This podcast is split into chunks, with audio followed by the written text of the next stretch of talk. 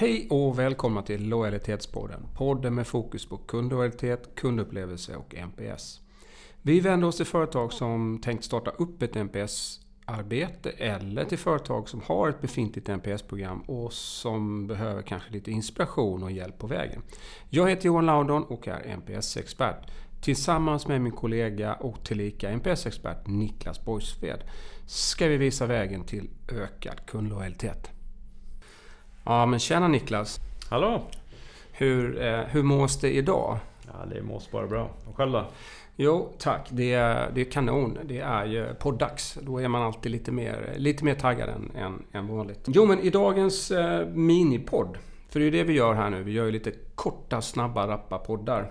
Och eh, den här gången så tänkte vi diskutera vad som är viktigt att tänka på för att få till ett bra förändringsarbete. Vad som krävs för att skapa en kundfokuserad verksamhet som bidrar till vassa kundupplevelser och en ökad kundlojalitet. Vi försöker ju alltid hålla oss strikt till NPS-metoden, eller hur? Ja, precis. Vi lutar oss helt mot den. Och där i den finns det ju bra tänk kring hur man ska driva utveckling baserat på undersökningarna man gör. Just det. Och vi har ju erfarenhet av att ha gjort eh, väldigt många projekt eh, just lutat mot metoden. Så vi vet ju att det funkar. Men vi vet ju också att det finns en hel del, en hel del utmaningar i att jobba med NPS som en metod. Ja, vi gjorde ju den här studien när vi gick ut till NPS-ansvariga. Eh, framförallt i större verksamheter. Och det var roligt, vi fick ju mycket respons på den undersökningen. Verkligen. Där vi fick in mycket svar då kring vilken typ av utmaningar man har som NPS-ansvarig när man ska driva NPS-arbetet. Det var ett flertal områden som stack ut där men, men ett av de som stack ut mest var just det här driva utveckling och förändring baserat på de resultat man får in. Just det. Jag tror det var, ja, det var 54 procent. Så att det är många som upplever det som en, en, en stor utmaning helt enkelt. Ja, precis. Ja, om man då tittar på NPS-metoden så brukar man ju prata om att man eh, driver förändring på tre olika nivåer. Eller hur?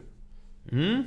Och de tre nivåerna, de är ju då... Det första är att man agerar direkt på eh, feedbacken som man får in från kunderna i undersökningarna. Då. Och den andra nivån är att man jobbar med strategisk utveckling på olika sätt för att förbättra kundupplevelserna. Och då har man ju då NPS-glasögon på sig. Det vill säga att man har fokus på ökad kundlojalitet. Och sen tredje nivån, det är att man jobbar mycket med att engagera och inspirera alla medarbetarna. Så man får med sig hela organisationen att bli kundfokuserad. Ja, och sen vi, vi vet ju också att om man jobbar på de här eh, nivåerna parallellt, eh, då får man ju också väldigt bra effekt av sitt lojalitetsarbete. Men om vi tittar på den här första delen, direkt agerande på kundfeedback. Vad menar vi med det egentligen? Ja, det vanligaste sättet att komma igång med att agera på, på resultaten från undersökningen det är att man följer upp de negativa svaren. Det brukar vara där så att säga, man har, det har man som utgångspunkt för att det, det är något som bekymrar när man får in negativa svar. Eh, och det innebär till exempel då att man ringer upp eh, kunder som har svarat negativt Eh, förutsatt att undersökningen inte är anonym och att man har fått okej okay på att ta kontakt. Då. Eh, så det är en vanlig, vanlig startpunkt för att agera på. Ja, precis. Och det är, det är klart, man vill inte ha massa surdegar liggandes. Eh, så de eh, agerar man på så snabbt det går. Men man kan ju också tänka att man följer upp även de som är väldigt positiva ens ambassadörer till exempel. Varför inte bjuda in dem till en kundpanel där man kan få en fortsatt dialog med dem. Och det finns ju väldigt stort värde att, att eh, ha den dialogen och väldigt mycket att lära också. Så ja, att, eh, det, är ett, det, är, det, är, det är ett litet tips. Ja exakt och eh, en hel del frågor också om kunderna som är positiva, om de är intresserade av kundreferenser. Kan man få in sådana som man kan använda då i, i som case och så vidare. Det finns också Ofta finns också behov som man kan följa upp. Så det finns ett antal olika områden som man kan jobba med vad gäller uppföljning. Precis, det handlar inte bara om att följa, om, följa upp de som är negativa helt enkelt. Nej. Men det handlar ju en, en, bitvis också om vilka resurser man har naturligtvis. Mm, man får prioritera där och sätta regler så att det blir rimlig mängd då, baserat på hur mycket resurser man har. Eh, och hur mycket arbete man kan lägga ner helt enkelt på uppföljningen. Då. Men, men det blir ju som en motor då, om man har igång det här i det löpande, så blir det som en motor för att vända då negativa kundupplevelser till något mer positivt och att ja, få mer utväxling på det som redan är positivt. Så att det blir som en motor för att bygga eh, eller driva ökad kundlojalitet. Alright, så då har, vi, då har vi gått igenom det här med, med eh, den direkta kundfeedbacken. Och sen punkt två, det handlar ju om, om strategisk utveckling av olika kundupplevelser. Och vad, hur tänker vi där då? Det finns två huvudgrunder till den analys man gör där. Det ena är den här löpande uppföljningen som man gör. Eh, och att man ser mönster i den och har statistik och eh, fakta kring vilken typ av uppföljning man gör då, kring negativa upplevelser till exempel. Eh, det är ju ofta återkommande problem. Mm. Och då vill man ju inte bara släcka bränder hela tiden utan man vill ju faktiskt göra någonting för att skapa en, en bättre process eller ja, en bättre leverans för alla kunder. Så det blir en grund då för att kunna göra strategisk utveckling. Och det andra spåret är ju att man gör analys då helt enkelt på eh, undersökningsresultaten man har.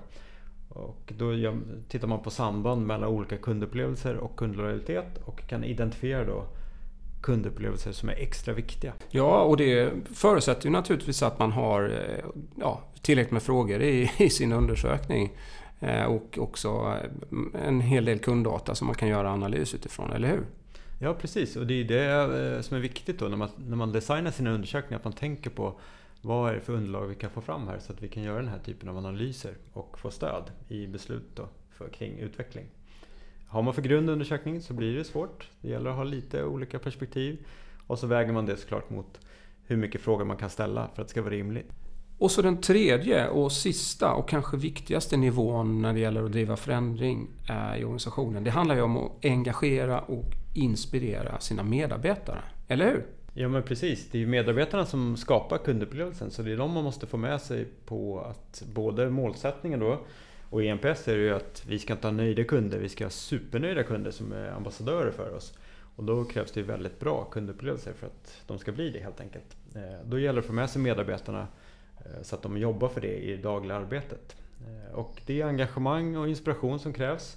Eh, så det är både det här att man får in kundinsikter i olika typer av forum internt. Så att är det veckomöten, månadsmöten, konferenser, olika typer av diskussion internt så vill man få med sig kundperspektiv i alla dem. Baserat på undersökningar man gör och analyser man har gjort. Exakt, och det, och, och det är nästan konstigt hur lätt det är att, glömma bort eh, kunderna i de här sammanhangen. Det är, det är liksom ofta det faktiskt inte finns med alls på agendan. Och här har man ju världens möjlighet då när man, gör, när man har den här typen av undersökning att hela tiden få med sig information som man kan lyfta in i de här mötena så att man hela tiden börjar tänka kund helt enkelt. Ja, i stora organisationer så blir det ju mycket interna perspektiv. Och allt det här handlar ju om att vrida perspektivet lite från då inifrån ut till utifrån in. Att lyssna på vad kunden säger och utvecklas tillsammans med kunden in i framtiden. Eh, och där kan man också utmana sig själv om man sitter som NPS-ansvarig eh, eller CX-ansvarig och ska sprida insikter så försöka tänka på kreativa sätt att göra det. Vi använder till exempel frågesport kring kunderna. Ja just det, kundquizar. Ja, för att få lite eh, nya perspektiv. Det blir interaktivt och eh, väldigt uppskattat bland medarbetarna. Att få, man, man anstränger sig lite för att få hur man presenterar ja. insikterna helt enkelt. Ja, men det, är, ju, det, är väl, det är väl annars väldigt vanligt att man, att man har en, en rapport till exempel från en undersökning och sen så har man en dragning på ett eller annat sätt och sen läggs den upp på ett intranät och så finns den där. Eh, men det är ju långt ifrån säkert att eh, medarbetarna känner och eh, tar till sig Eh, kundinsikter den vägen på det sättet. Så att eh, alla, alla, egentligen alla eh, varianter för att på ett kul och effektivt sätt sprida sina kundinsikter är ju väldigt bra. Ja, och kundcitat till exempel är ju väldigt bra att använda. När man får in fina citat och läsa då i, när man har möte kring en viss fråga. Ta fram då, till exempel handlar om produktutveckling. Så kan man ta fram citat som har att göra med produkterna och läsa lite vad kunderna har sagt. Eh, väldigt bra. Och eh, vi var inne på det lite tidigare, det här med engagemanget. Värt att tänka på är också, ju fler mätningar man får igång vad det gäller kundupplevelser och touchpoints, eh, desto fler människor blir engagerade. Just det. Då får man feedback hela tiden från kunderna och då blir det ju utifrån in perspektiv och ett löpande engagemang i, i kundupplevelser. Eh, så därför är det ju eh, nästan lite synd om man bara har då en, en undersökning två gånger per år till exempel. För att då blir det ju nedslag två gånger per år och Mm. engagemang just då. Men det, det är oftare Fejdar ut liksom. Ja, precis. Det blir lite dött däremellan. Och istället vill man hellre ha då någonting som ger feedback på ett löpande sätt i dagliga arbetet. Ja, ja men absolut. Och det är väl det är väl dags att börja runda av. Eh, men eh, jag tänkte så här att eh, vi skulle nämna också kanske den här studien som eh, Setmetrics gjorde för ett antal år sedan. Alltså grundarna till NPS-metoden. Om vilken effekt företag som jobbade både med det Eh, att ta direkt kundfeedback och men också att jobba strategiskt. Vilken, vilken effekt som de fick på lojalitet, lojaliteten. Eh, kontra till de som bara jobbade med att agera på sin kundfeedback. Väldigt stor skillnad. Ja, och det är ju fortfarande så att många känner till NPS som nyckeltal. Men det är klart färre som eh, jobbar med NPS som metod. Där man använder alla de här tre delarna och fullt ut så att säga. Och det är en uppmaning från vår sida att eh, börja använda NPS mer som metod. För att vi vet att det ger bra effekt i lojalitetsarbetet. Mm.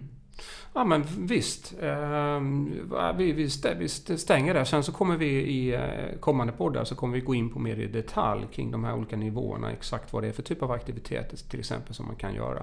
Mm. Eh, för att ge lite mer tips kring det. Mm. Men det här var ju grunderna kopplat till NPS-metoden.